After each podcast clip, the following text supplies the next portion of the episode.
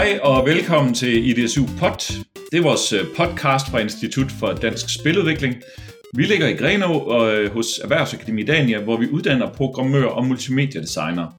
Mit navn det er Allan Kirkeby, jeg er dagens vært, og til daglig er jeg forretningsudvikler hos øh, Dania, og jeg sidder i vores GameHub-afdeling, hvor jeg vejleder iværksættere i spilbranchen.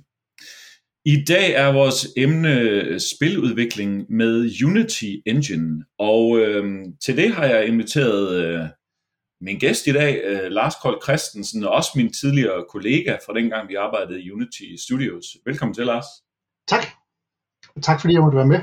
Ja, mega fedt. Kan du, øh, kan du kort lige fortælle, øh, hvad laver du så i dag, og øh, altså, hvad arbejder du med, og, og hvad laver I?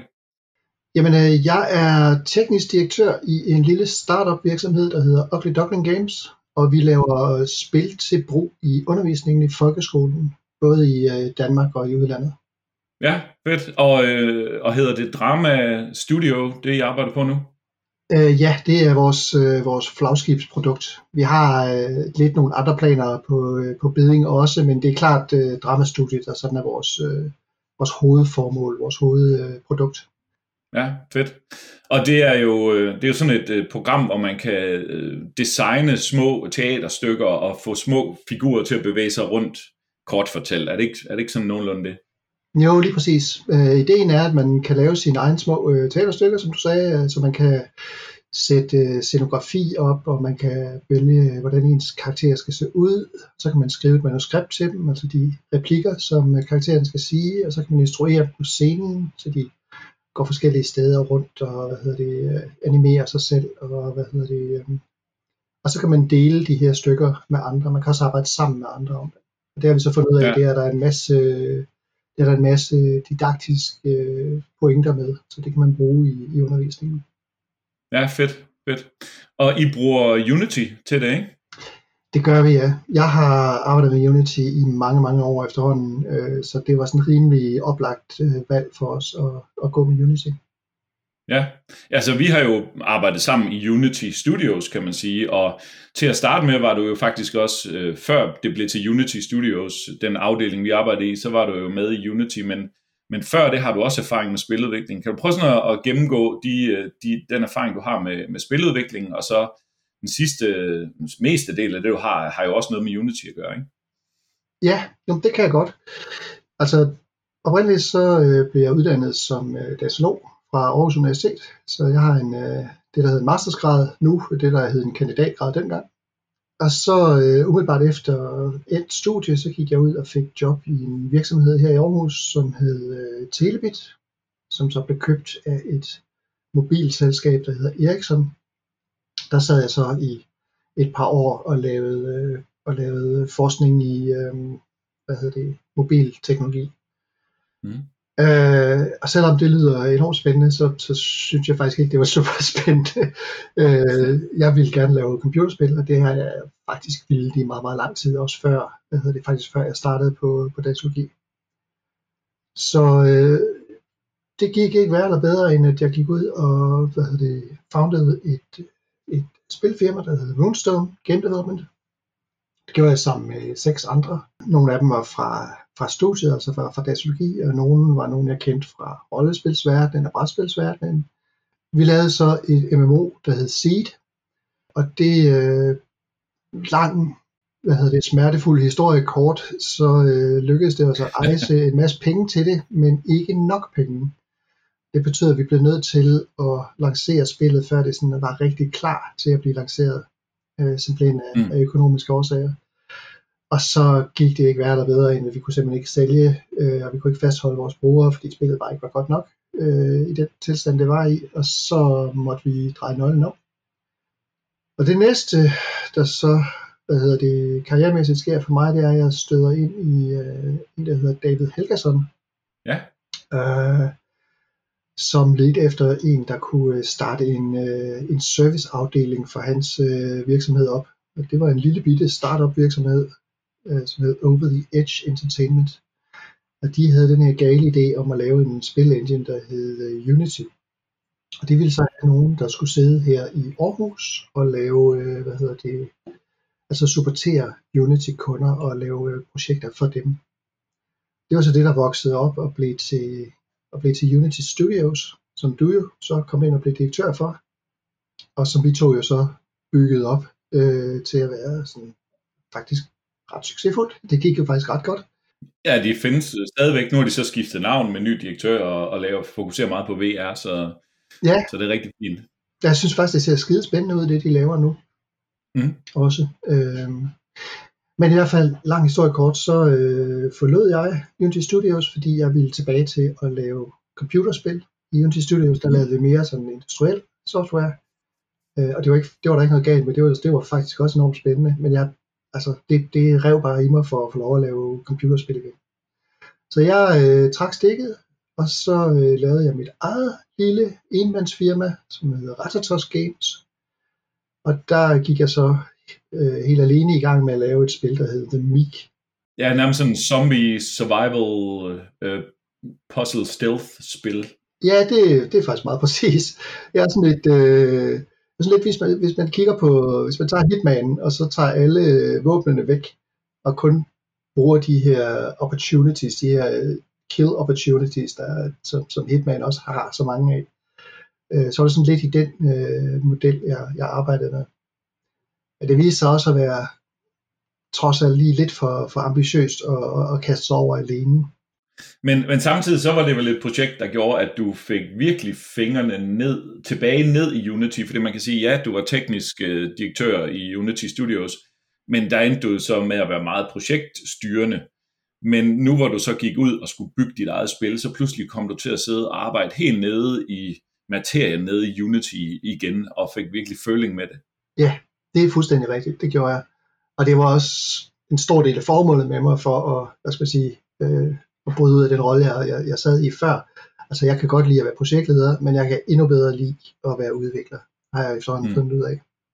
Så, øh, så ja, du har ret. Jeg, jeg fik fingrene ned i materien igen og, og, og, og begyndte at blive øh, faktisk en, en, altså blive en bedre Unity-udvikler af det. Jeg havde, jeg havde været lidt ja. for langt væk fra, fra det tekniske, synes jeg. Og så på et eller andet tidspunkt, så mødte du de to andre og startede Ugly Duckling øh, Games. Ja, det gjorde jeg. Vi, det var sådan, at jeg arbejdede øh, ved siden af at lave The Meek, så arbejdede jeg også som øh, konsulent. Og der arbejdede jeg blandt andet for Aarhus Universitet på et projekt, der hed, Nå, det er rigtigt. Ja. som hed Science at Home. Og der rendte jeg så ind i de to andre, Pelle og Tore. Øh, mm. Når man så løber rundt i det samme kredsløb i øh, computerspillets verden, så, så er det en lille branche, og så lærer man jo hinanden at kende. Så jeg kendte Pelle øh, som er vores kreative direktør i Outlook Games, øh, fra, ja, fra spiludvikling. Øh, ham og jeg blev enige om, at vi skulle altså lave noget sammen. Og så rendte vi ind i Thor, som øh, havde sin egen virksomhed, hvor han, øh, som hed Skolen i Spil, hvor han tog øh, sådan kommercielle spil, sådan noget spil som for eksempel Torchlight og Torchlight 2, øh, og brugte dem som et, øh, et værktøj i almindelig klasseundervisning i folkeskolen. Mm-hmm. Vi stak så hovederne sammen og drak en frygtelig masse kaffe og øh, blev enige om at lave dramastudie. Ja, fedt. Emnet i dag, det er jo, øh, det er jo spiludvikling i Unity Engine, og, øh, og vi har talt lidt om, hvordan vi kunne, øh, vi kunne tage det her emne, så, så folk, der lytter med, kan, kan få noget input. Så vi har egentlig prøvet at gennemgå øh, sådan en række af de elementer, man typisk arbejder med i et computerspil, og, øh, og så stiller jeg nogle spørgsmål, og så kan du øh, komme med nogle øh, best practice-agtige, eller nogle erfaringer, du har, eller sådan noget, ikke? Men hvis vi kan starte med, kan, du sådan, kan vi starte med at tage sådan en, hvad, hvad er Unity, øh, sådan high level? Bare sådan, yes. nu ved jeg godt, det bliver meget begynderagtigt, ikke? men altså bare sådan, vi lige starter der, ikke? Hvis vi starter sådan helt back to basics, hvad er Unity? Så er Unity en uh, cross-platform game engine, øh, som har et øh, editor-miljø, som har en tilknytning til et, øh, hvad hedder det, et, et programmerbart API, der er implementeret ovenpå øh, hvad hedder det, mono-implementationen af .NET. Det vil sige, det er en bestemt implementation af det her API, som Microsoft i sin tid lavede, som hedder .NET. Øh, den har den blev lavet i første omgang i øh, tilbage i 2005-6 stykker, der begyndte de at udvikle det. På det tidspunkt, der kunne man, der var den øh, faktisk ikke cross-platform, der var den kun på Mac-platformen, så man kunne bygge øh, spil. Man kunne bruge øh, hvad hedder det, udviklingsmiljøet på, på, hvad hedder det, øh, på Mac OS. Mm. Øh, man kunne ikke bruge det på Unity, eller slået på, på Windows. Og man kunne ikke bygge til ret mange andre build targets end Mac. Nu om dage, der er det Unitys, altså Unity virksomhedens ambition, at Unity skal kunne udvikle til hvad som helst. Ja. Hvis du har en platform, så vil Unity gerne være på den. Og de er på øh, alle de store platforme, så de er på, på Windows, de er på Mac, de er på øh, Linux, altså i forhold til øh, build targets, hvad man kan bygge et spil til. Øh, man kan bygge spil til konsollerne, Xbox, øh, hvad hedder, PlayStation, øh, øh, Wii, Nintendo, øh, the whole shebang. Og man kan bygge til mobile platforme, så man kan bygge til Android og hvad hedder det, iPhone. Øh, man kan bygge til web, hvilket er enormt interessant for os. Det er det, vi arbejder rigtig meget på i øjeblikket. Øh, så det vil sige, at man kan bygge et, øh, en executable, eller ikke en, det hedder så ikke en executable, det hedder et, øh, et WebGL bundle, som man kan afvikle i, en, øh, i de, altså de, de gængse webbrowser, øh, uden at skulle installere noget. Ja. Og hvad, hvad øh, øh, så Unity er et, et, et værktøj, man bruger til at samle alle mulige komponenter. Man arbejder dels ind i værktøjet, men man trækker også objekter ind udefra, grafik og lyd og sådan noget, og så bruger man Unity som det værktøj, hvor man både øh, bygger og programmerer i, men man har også en masse værktøjer inde i Unity, hvor man samler alle de her komponenter og skruer hele spillet sammen. Ikke? Det, er, det er også korrekt, ja. Ja, vil du, vil du sige, det er, er, en, er Unity primært for programmører, eller er det primært for grafikere, eller er det lidt af hvert? Jeg synes, det, det er et sted, hvor man, hvor man mødes. Ikke? Et sted, mm. hvor, hvor, hvor grafikere, koder, game designer, øh, lyddesigner øh, mødes. Øh, vi har hver vores øh, foretrukne værktøjer til at lave, hvad skal man sige, vores hovedarbejde, vores, vores kernearbejde. Øh, som koder, der arbejder man jo typisk rigtig meget af sin tid i en kodeeditor. Det kunne være sådan noget som Visual Studio, eller hvad hedder det, um, Writer, eller en af de andre, hvad hedder det, uh, kode-editors, man bruger. Det er jo der, hvor man simpelthen sidder og skriver den uh, C-sharp-kode, som, uh, som Unity så skal, skal bruge. Okay, så, så et spørgsmål her, fordi et af punkterne, vi havde på de elementer, man arbejder med, det er kode.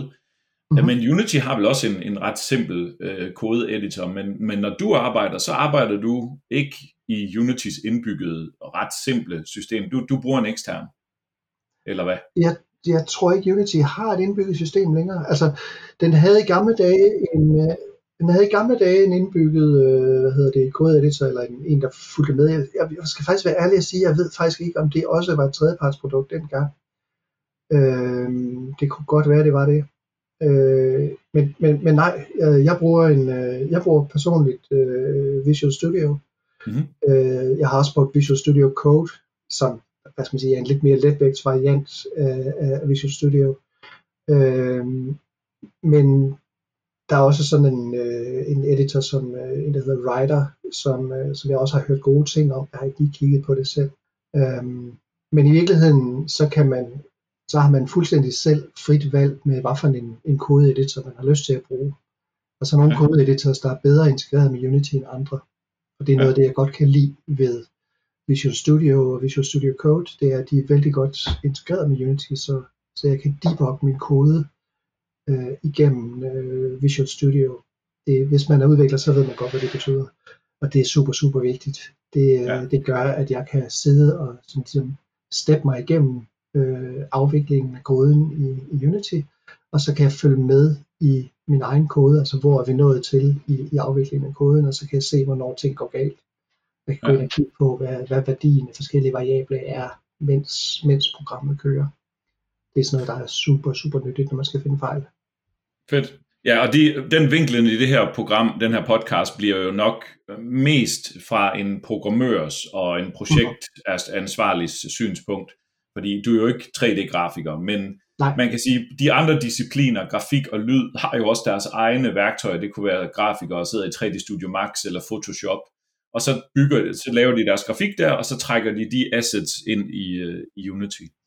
Ja. Øhm, før, før vi lige, øh, fordi jeg tænker, en, en rigtig fed ting Unity også har, det er Asset Store, så den vil jeg også godt lige tale om, men før det, så vil jeg lige spørge helt overordnet.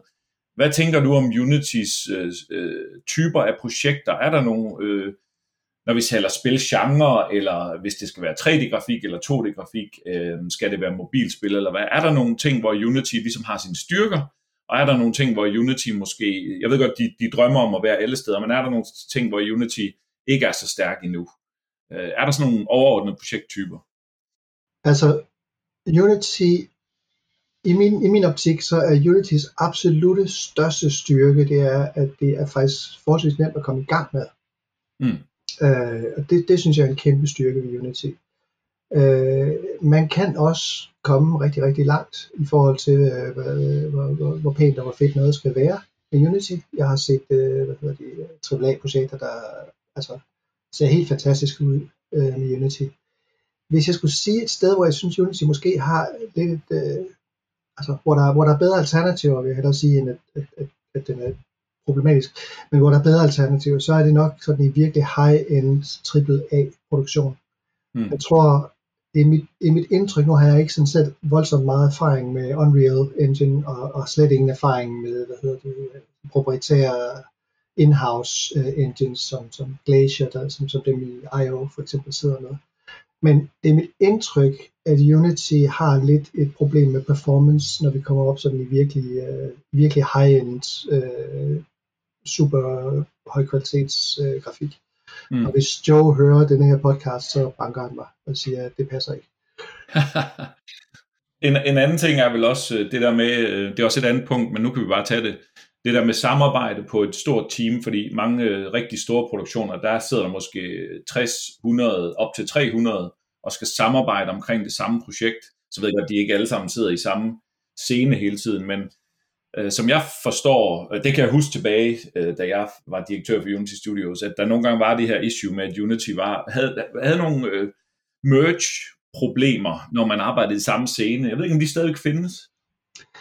Altså, Ja, ja. det er i hvert fald noget, Unity gør noget ved, kan man ja. sige. I gamle dage, der havde Unity noget, der hed, øh, hvad var det, det hed? Asset Server, Asset Server, tror jeg nok. Ja. Øh, som var Unitys øh, collaboration tool. Så ideen i Asset Server var meget, at, at man hele tiden skulle være up to date. Unity har jo nu, øh, hvad hedder det, lavet lidt om på deres struktur, sådan så hvad hedder det, man for eksempel kan bruge Git, som er ja. virkelig altså den store industristandard for hvad hedder det, øh, for, for, for øh, kode versionskontrol. Altså, man kan vel, ja, man kan vel nærmest koble alle de store standarder sammen med Unity, Perforce og hvad det ellers er, ikke? Ja, det øhm. kan man. Og de har også, øh, de har også en god uh, integration med Plastic SCM, som jeg ikke selv kender. Det har jeg ikke arbejdet med. Jeg, jeg bruger selv Git Øh, jeg kan godt lide Git. Øh, hmm. Vores team er relativt lille.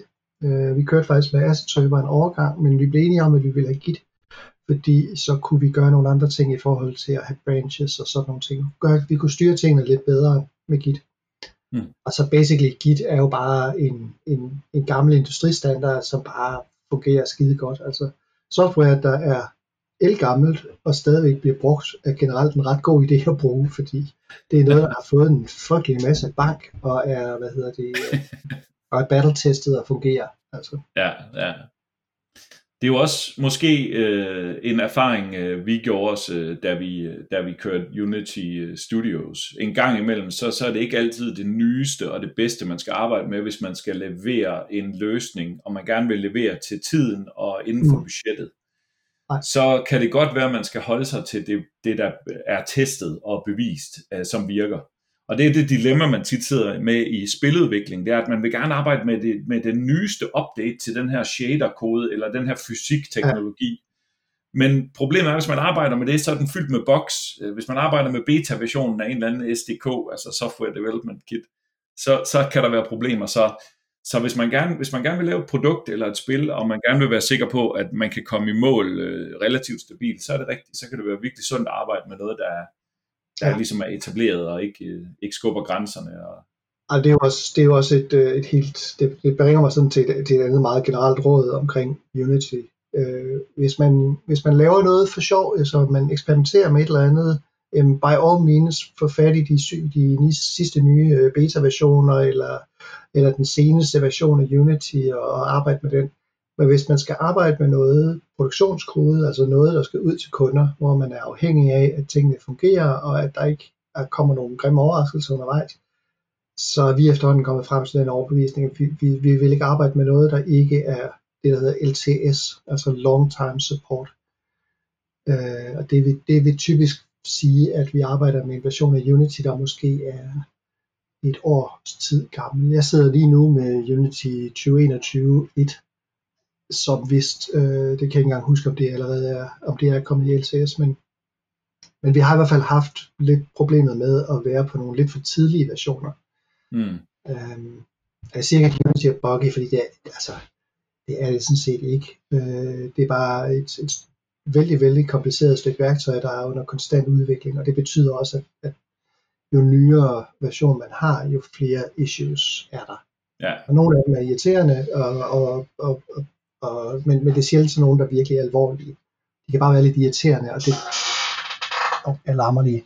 Og det betyder noget, når man øh, det betyder noget, når man sidder i det, i det daglige øh, arbejde. Ja, Øhm, før, før vi eventuelt trækker nogle øh, mere specifikke ting frem, så tænker jeg også, at vi skal, vi skal lige tale om uh, Unity's Asset Store. Ja. Og det er jo egentlig ikke uh, noget uh, som sådan med, med engine at gøre. Det er mere en, en tillægs uh, uh, feature eller marked eller service, som man kan tilgå, uh, når man bruger Unity. Ikke? Ja. Kan du fortælle lidt om, hvad det er, og hvorfor det er fedt? Det kan jeg i hvert fald. Øhm, man kan sige, som jeg sagde før, så, så handler så er Unity editoren, det er ligesom det sted, hvor alle disciplinerne i, i, hvad hedder det, i spiludviklingen mødes. Det er der, hvor de ligesom finder ud af, hvordan arbejder vi fornuftigt sammen om det her. Øhm, og der indså øh, Unity Technologies relativt tidligt i processen, at de kunne jo de kunne levere noget hjælp til brugerne til det her, og samtidig lave øh, en, faktisk en, en, en levevej for nogle af deres øh, kunder. Så de fandt på det, der hedder Asset Store, som er en, øh, en butik øh, indbygget i Unity og integreret med Unity, hvor man kan købe og sælge assets, altså grafik, lyd, kode, øh, hvad hedder det, shader, øh, hvad som helst. Komponenter, ikke? Vil man ja, lige præcis. Byggesten til sit spil eller sådan noget. Ja, alle mulige komponenter og byggesten, der indgår i, øh, i computerspil. Den typiske øh, model derinde, det er, at man, øh, hvis man, hvis man for eksempel, hvis man selv leverer et øh, produkt til, til Asset Store. Jeg har selv lavet et, øh, et Asset Store asset, øh, som var sådan et, øh, en, øh, en stum kode, der, der kunne supportere at lave øh, objekter, der flyder i vand. Øh, mm. For dem til at se nogenlunde fornuftigt og animere fornuftigt på en, på en, på en sjov måde. Det var egentlig mest noget, jeg lavede for sjov. Øh, og så polisherede det lidt off, og så smed jeg det op på Asset Store, og, og så solgte jeg for, for 100 kroner af det. Men måden det så fungerer på, det er, at man sætter så som, som sælger, sætter man bare den pris, man gerne vil have, øh, den pris, man tror, man kan sælge det til, og som køber, så får man så en licens til det her asset. Så det vil sige, hvis jeg nu sælger for eksempel mine floating objects, jamen så kan jeg sælge dem til flere virksomheder, og de har så lov til at bruge dem i deres egne projekter. Øh, men det er stadig mig, der hvad skal man sige, ejer, ejer ophavsretten og så videre til, til projektet. Jeg sælger bare licens til det. Og det betyder, at man kan få de her assets øh, vældig, vældig billigt, øh, og i en ganske fornuftig kvalitet, øh, og man får dem ret hurtigt. Mm. Øh, så for mig, det var noget af det, der gik i gang med The Meek. Der var det sådan en af mine grundlæggende teser omkring hele balladen, det var, at Asset Store og det her økosystem, der er rundt om Unity, var blevet så stort og stærkt nu, at jeg mente, at jeg bare som, som programmør, som en, der ikke ved en kæft om at lave 3D-grafik, for det gør jeg virkelig ikke, eller lyd, eller musik for den sags skyld, jamen så kunne jeg købe mig til det på Asset Store. Og det viste sig faktisk at holde rimelig godt stand. Jeg kunne købe, øh, jeg kunne købe de øh, figurer, karakterer, 3D-grafik og musik og lyd, som jeg havde brug for på Asset Store for mig som udvikler, øh, hvis, mit, hvis, var mit mål at bygge et spil. Det var ikke som sådan at, at lære noget om spiludvikling og Det, altså, det er altså ikke fordi, der er noget galt med det. Det skal man blive ved med, og det gjorde jeg også. Man skal blive ved med at lære noget hele tiden. Men mit mål her, det var at få lavet et produkt. Og det vil sige, at jeg tog med, med, med meget stor bevidsthed en beslutning fra starten. Der er ikke noget, der hedder snyd. Det er ikke snyd, hvis jeg bruger noget grafik, nogen andre har lavet. Det er ikke snyd, hvis jeg bruger nogle kodestumper, nogen andre har lavet. Altså, der er ikke noget, der er snyd. Det er snyd, hvis jeg plagierer. Det er snyd, hvis jeg, hvad hedder det, øh, hvis jeg påstår, at jeg har opfundet noget, som ikke er, ikke er mig, der har opfundet. Altså. Ja, for det er vel, det er vel vigtigt at understrege, at, at hvis du bruger noget fra Asset Store, så, så stjæler du det ikke. Så gør du ikke noget ulovligt. Så i det, du køber det, så køber du også licensen til at have lov til at bruge det i et produkt. At det kan være, der er en nuance. Det kan være, der er nogle få ting på Asset Store, man ikke kan det. Men de fleste ting, der får man lov til at bruge det. Og så kan man sige, at i sidste ende, så, så det eneste, man så skal stå inden for, det er, at man skal beslutte sig for, om man selv synes, det produkt, man laver, fremstår på den bedste måde i forhold til, hvordan markedet modtager det, ved at bruge assets, som er købt der, eller det ville være bedre, hvis man fik en grafiker til at lave noget unikt og originalt. Og det er der jo forskellige holdninger til, hvad man synes er fedest. Ikke? Præcis. Det kommer også an på igen, som sagt, hvad det er, man, altså, hvad det er, man brænder for i, i, i spiludvikling. Mm. Der, er også, der er også grafikere, for eksempel, som altså, brænder for at lave deres, deres 3D-art og lave deres kunst, fordi de er kunstnere, og det, det er det, deres kunst er. Og for dem vil det selvfølgelig ikke give mening at købe 3D-grafik på, på Asset Store, altså medmindre de, altså det er noget filler noget, så vil, så vil jeg egentlig stadigvæk synes, det, det godt kunne give mening, men, men det er stadigvæk deres, deres fokus vil stadigvæk ligge på den, den kunstneriske proces i at bygge det her 3D-art, og det skal de jo selvfølgelig gøre selv. Ikke? Men mm. de kunne så måske gå hen bare og købe noget kode, øh, så de ikke behøver at hyre en koder. Men jeg, jeg tror så, at, øh, at det kan være svært at undvære en koder. Jeg tror, det er lidt sværere at undvære en koder, end det er at undvære en grafiker, øh, groft sagt. Hvis man, som, som, som, som jeg for eksempel gjorde, øh, accepterer, at så det artwork, man så har i spillet, jamen det kan godt være, at det dukker op andre steder. Altså, jeg, jeg havde et par zombier, som man også godt kunne se i, i et par andre computerspil rundt omkring. Ja, og øh, fedt, fedt. Jamen, øh, det, jeg tror også, at rigtig mange af, af dem, der lytter med, øh, hvis de er studerende på, på Dania eller, eller arbejder med Unity, så kender de også Asset Store. Ikke? Men øh, mm. det, det, er fedt, øh, det er fedt at få den lige øh, gennemgået. Så, så har vi sådan en, altså når man udvikler et spil, så er der en hel masse ting, man, går, man skal arbejde med. Man skal lave kode, man skal lave grafik, man skal strukturere sit projekt, man skal styre sit team og sådan nogle ting. Og øh, jeg, jeg, vi kan godt prøve at gå igennem dem, men, øh, men fordi jeg tænker, hvis vi kan få din øh, erfarne input til, hvordan, hvad, hvad, hvad er det, hvordan er det med Unity her, og sådan noget. For eksempel, vi talte lidt om kode, øh, og hvordan man har en, bruger en ekstern kode-editor. Har du andre sådan off the top of your head øh, kommentarer til at kode i Unity? Øh, ja, uha. uha. Helt program. Det, det, kan det kan jeg også få meget tid til at gå med. Øhm, altså, jeg, jeg er jo øh, jeg er af den skole, der går op i, hvad hedder det, udviklingstid først og fremmest. Mm. Og så performance er faktisk sekundært i min, øh, i min bog.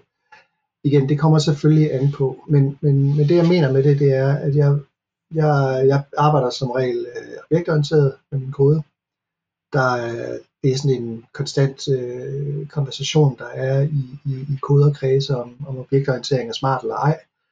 Øh, men selv øh, kritikerne af, af hvad hedder det, øh, objektorientering er som regel enige om, at det giver læsbar kode, som er, er, er til at have med at gøre.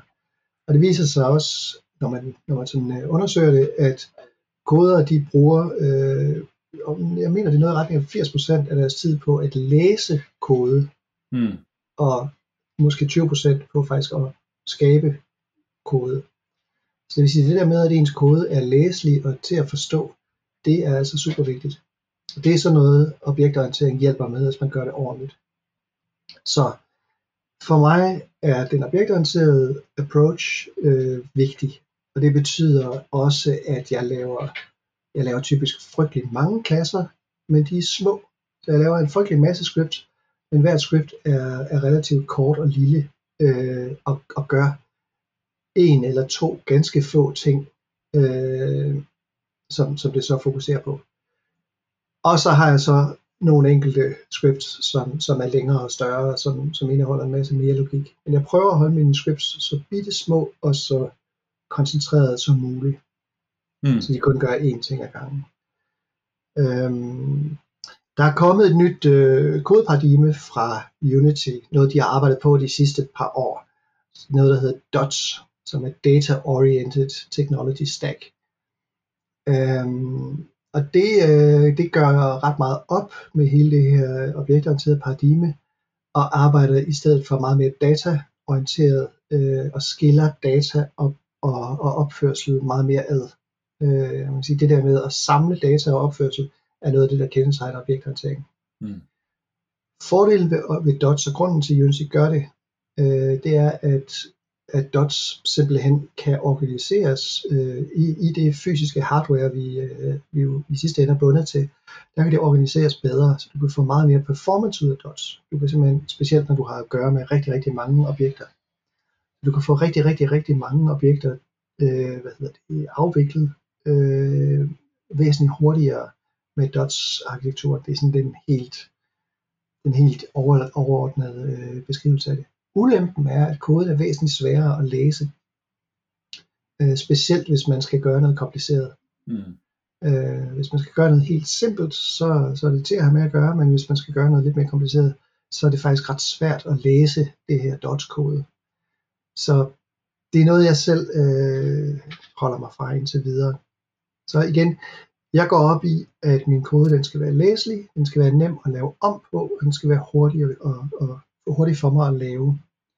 Øhm. Men, men jeg har et spørgsmål så, øhm, uh-huh. jeg har nogle, med, men, men det er mere sådan min, min, øh, min erfaring med at være, være projektleder på Teams og sådan nogle ting, øh, uh-huh. hvor der har arbejdet med Unity. Og der sidder jeg jo så nogle gange og har arbejdet med, set programmører, der gerne vil kode alting selv, men det, det som Unity jo, og mange spil engines også har, det er nogle visuelle editorværktøjer, som faktisk gør det lettere for ikke-kodere at, at gøre ting, uden at skulle bygge et nyt script til det. Men så har jeg nogle gange arbejdet med programmører, som ligesom har valgt at kode deres eget script, eller kode deres animation, eller et eller andet. Og jeg ved, at det er også en rejse, du har været på, hvor du er gået fra at, at, at kode, så du lært at bruge nogle af de ting i Unity, der måske kunne speede udviklingen op på en eller anden måde.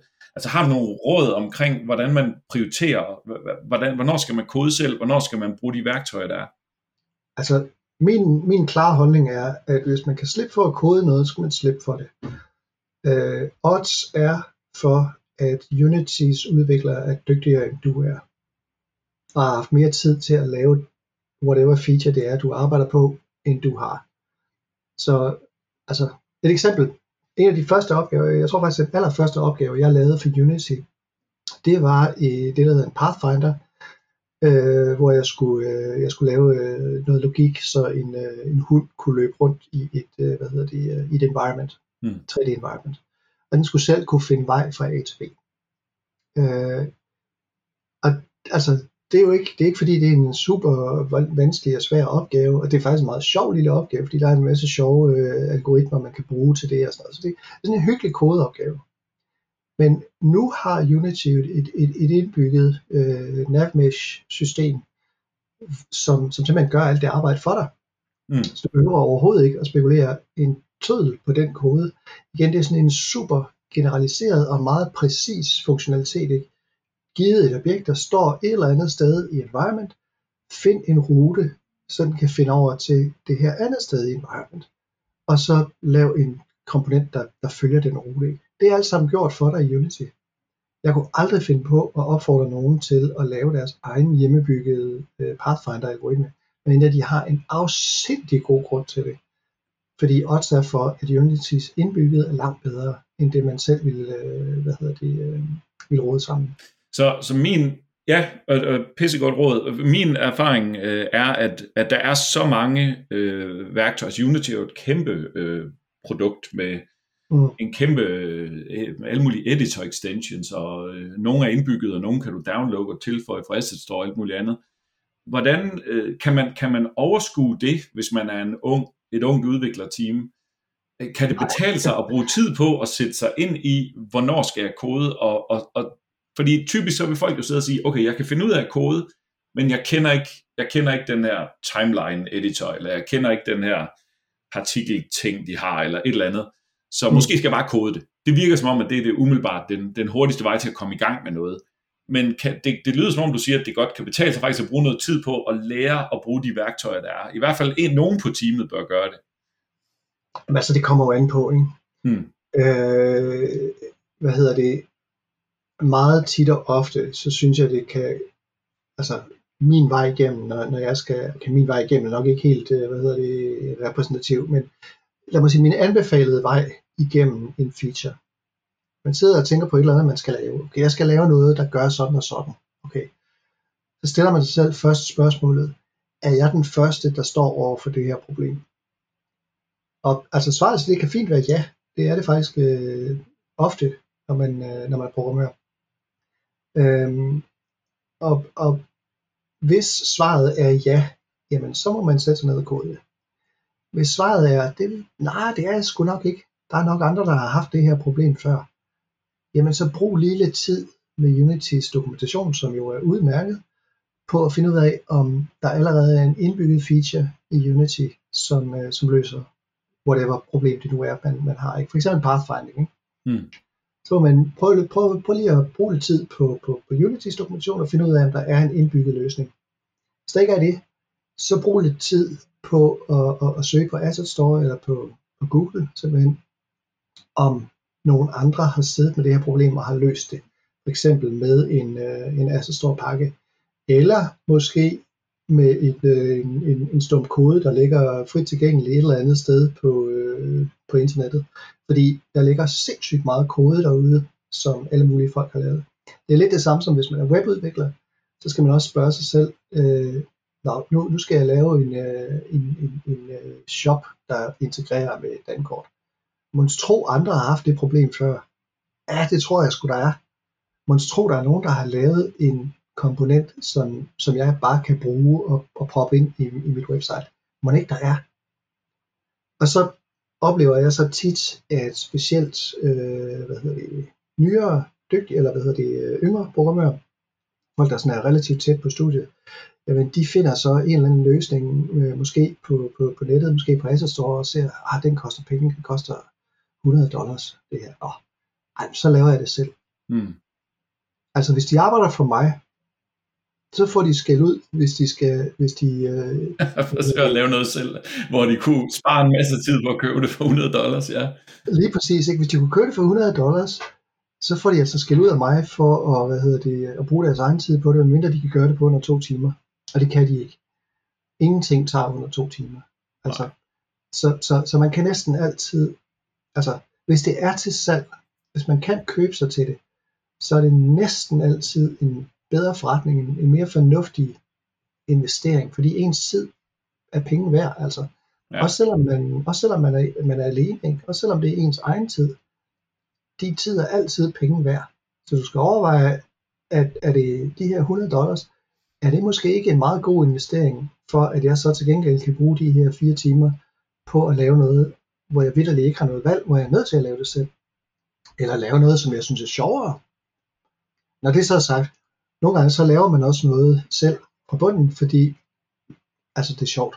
Mm. Fordi man har lyst til det, og det synes jeg er fint, og det synes jeg også er okay det skal man jo også have øje for, specielt, og specielt hvis man er selvstændig, at, at, at hvis der er noget, der holder motivationen højt, så kan, mm. det, kan det også være en vigtig faktor for at vælge at gøre det.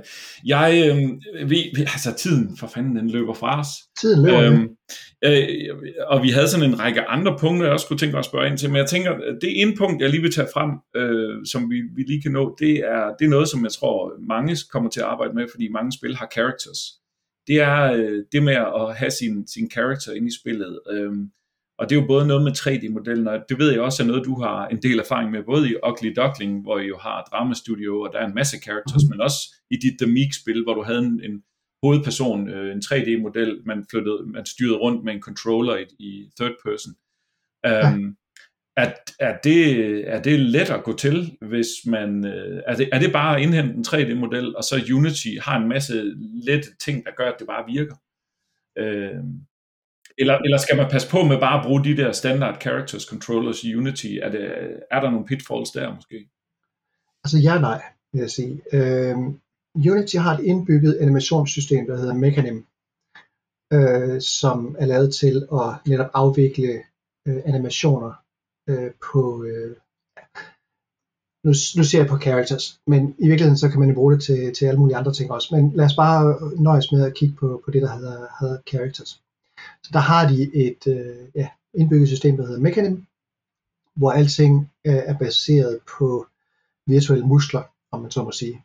Hmm. Så hvad hedder det, øh, animationer, klassisk normalt, der handler animationer om at rotere transforms, som er de her, hvad hedder det, enheder, der bestemmer, hvor noget er i en 3D-scene, og hvordan det er orienteret. Og en animerbar karakter er som regel lavet af sådan et hierarki af transforms, som man så roterer individuelt. Så man kan forestille sig, at man roterer skulderen, øh, og så følger resten af armen med, og så roterer man albuen, og så følger underarmen med, og så roterer man hånden, og så følger fingrene og hånden med. Ikke? Øh, så det, det vil være sådan en typisk animation mens en, øh, en mekanim animation, den er så baseret mere på, øh, hvad hedder det, en albue af et koncept, som har en bestemt øh, range, den kan bevæge sig indenfor. Det lange og det korte, det er, at det betyder, at hierarkiet, det her transform-hierarki, kan være forskelligt fra de figurer, man henter ind, altså fra de karakterer, man henter ind, øh, og bliver så lavet om til det samme format i, hvad hedder det, i Mechanim. Mm. Hvilket vil sige, at du kan genbruge animationer fra forskellige character rigs på forskellige andre character rigs. Character rigs behøver ikke at være, hvad hedder det, ens. Øhm, men der er også begyndt sådan at komme nogle de facto standarder, som egentlig mest sådan er folk, der er mere eller mindre enige om, at det er sgu nok en god idé, at vi gør det på denne her måde.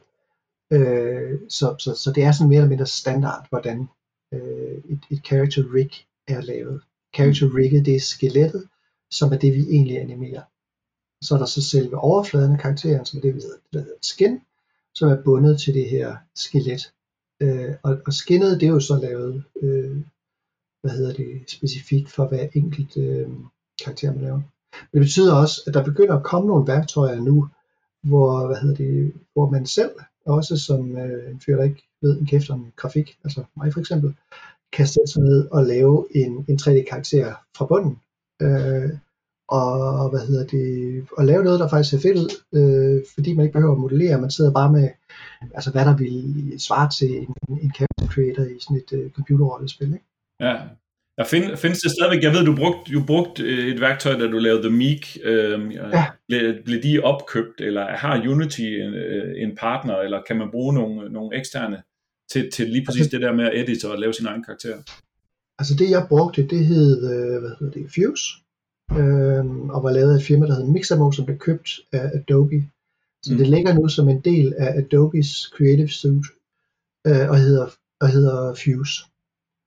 Øhm, og der kan man simpelthen lave forskellige karakterer, øh, og sådan ret, altså sætte forskellige overskæg på dem, og ret deres ansigt til, og så videre, så videre man har ikke fuld 100% frihed selvfølgelig. Man, har, øh, man er nødt til at bevæge sig inden for det øh, rum, om man så må sige, som, som øh, Adobe har, har defineret.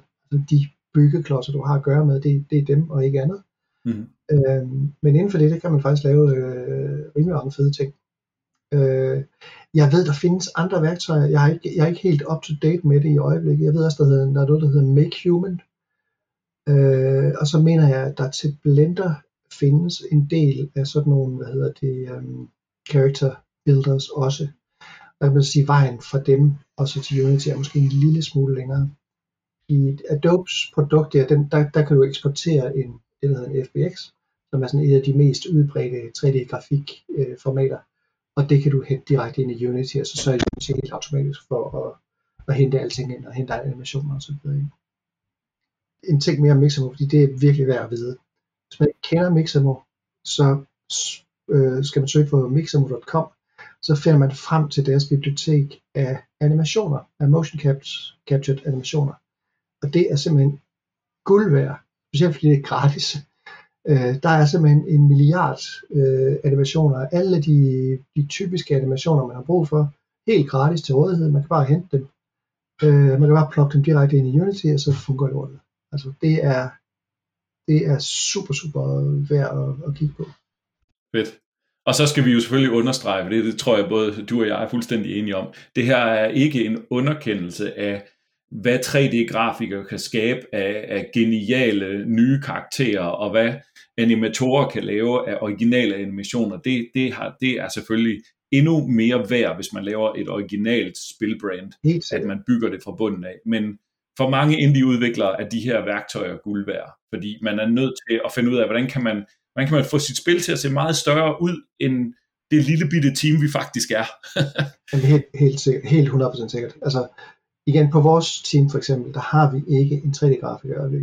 Altså, jo, det har vi, men han synes ikke selv, at han er 3D-grafiker. Han, det er Pelle, han kan enormt mange kreative forskellige ting. Øh, men han laver faktisk ikke rigtig 3D-grafik øh, i, vores, øh, i vores projekt, øh, fordi vi simpelthen køber os til det hele. Det betyder mm. selvfølgelig også, at, at alt det vi køber os til, hvis man er Unity-udvikler, og man kender Asset Store, så kan man også godt finde frem til præcis de pakker af, af, af 3D-grafik, som vi bruger. Øh, man behøver måske ikke engang søge på, på hvad hedder det, Asset Store for, for at finde dem. Så på den måde, der er vi jo grafisk, er vi jo ikke en skid originale. Øh, det er bare ikke så super vigtigt for os, for vores produkt, at vi grafisk er, er originale. Øh, der, der, så, så for os der er det, det værd at sige, okay, det vi laver, det er ikke uh, original art, det er til gengæld, til gengæld så kommer vi i mål med det lynhurtigt, og det koster os meget mindre, end, end hvis vi skulle have en, øh, en grafiker ansat til at lave det. Ja. På den tredje side, så, så giver det også nogle begrænsninger i forhold til det grafik, vi har, altså så, hvor, hvor vi lidt kigger på den måde, det er lavet på, måske tænker, ah, det kunne altså godt nok være lidt rart, hvis deres, øh, ja, hvis de havde organiseret det her en lille smule anderledes. Og det kan vi så ikke rigtig gøre noget ved, desværre. Ja, der er man så nødt til at, at, at bruge det, man har. Men øhm, vi, vi, er nødt, vi, vi er nødt til at, vi er nødt til at, at, at, at lige så stille runde af, desværre. Øhm, så, må, så må eventuelle lyttere jo skrive en e-mail til mig, eller brokse over og sige, at de vil have mere om Unity, hvis vi skal lave et opfølgningsprogram, fordi uh, der er så meget viden, du sidder med, som, som du kan give videre til, som råd til folk. Ikke? Så, øhm, men nu har vi sådan berørt nogle få emner, der har med spiludvikling i Unity at gøre, og jeg håber, at, øh, at folk synes, det har været øh, interessant. Øhm, når vi runder sådan et, øh, et program af, og øh, så plejer jeg at, at give vores gæst muligheden for at fortælle om et eller andet, de er gang i, øh, og, og, og plukke det, eller reklamere lidt for det måske. Øh, er der noget, du øh, vil fortælle om, du eller I har gang i? Jamen, det vil jo være, det vil jo være helt øh, hvad hedder det, uforsvarligt af mig, hvis jeg ikke øh, slog lidt på trummen for, hvad hedder det, for dramastudie. Øh, så dramastudie.dk, der kan man gå ind og kigge lidt på det projekt, øh, vi arbejder på i øjeblikket. Øh, hvis man har Unilogin, øh, og det har man, hvis man er folkeskoleelev eller hvad hedder det, eller har børn i folkeskolen, øh, så kan man logge ind på øh, dramastudie.dk og se, hvordan det her hvad hedder det, projekt, vi arbejder på lige nu ser ud. Det er som sagt sådan et, øh, et, et sted, hvor man kan lave virtuelt teater, man kan skrive sit eget manuskript og instruere karaktererne på scenen og dele de manuskripter, man laver øh, med verden. Øhm, ja, det, det er det, vi laver. Fedt. Og hvad, hvad er jeres, øh, I, I bliver ved med at udvikle på det her produkt, hvad er jeres, hvad er jeres ja. Øh, planer fremadrettet? Er det at, at gøre det federe og større, eller har I, har I andre tillægsprodukter, I arbejder på, eller hvad sker der?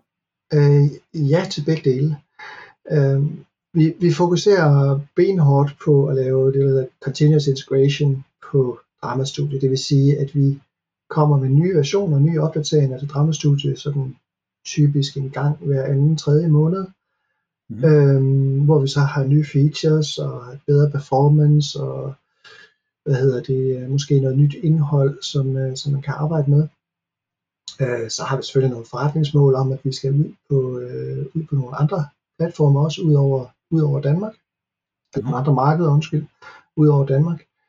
Så vi, skal, vi er begyndt at snakke med nogen i Sverige. Vi vil prøve at få, øh, prøve at få spillet til at blive brugt i den øh, svenske folkeskole også. På lidt længere sigt, der har vi, øh, der har vi alle mulige frække planer om at bruge øh, dramastudie eller lave, hvad skal man sige, lave, lave telex-produkter til dramastudie. Vi har en snak om, om øh, et music studio, så man kan sidde og lave øh, musik. Og som det musik, man så laver i music studio, kan man så koble sammen og bruge i, øh, hvad hedder det, bruge i dramastudio som underlægningsmusik. Vi har nogle idéer om et movie studio, hvor man øh, grundlæggende kan det samme som et dramastudio, men i stedet for at det er teater, man laver, så vil det være film, man laver. Så der kan man styre mm. kameraet og lave close-ups og sådan nogle ting. Fedt. Det lyder, det lyder, det lyder mega spændende. Ja, vi har øhm, arbejdet til I, de næste mange år. jamen, og jeg kan også forstå, at det går rigtig godt. De har fået øh, investeringer, og, øh, og det, det, det kører der ud af, så, øh, så stort tillykke med det. Øhm, og jeg glæder mig til at, frem, se, at se, hvad fremtiden byder for jer. Og jeg vil også sige mange tak, fordi du var med i, i dag i den her podcast. Det jo dejligt at snakke med dig igen. Nu har vi jo kendt hinanden i mange år. Det har vi. Og tak fordi jeg måtte være med. Det, det var fedt, det var sjovt. Jeg har fulgt ja. podcasten et stykke tid, og jeg synes, det, jeg synes, den har været god, så jeg er meget glad for, at jeg måtte være med. Jamen, det er rigtig fedt. Og så vil jeg sige uh, tak til uh, jer lytter, der har hængt på i uh, den her, en af de længste, vi har lavet måske nogensinde. Um, og så på genhør igen om uh, cirka 14 dage. Hej hej.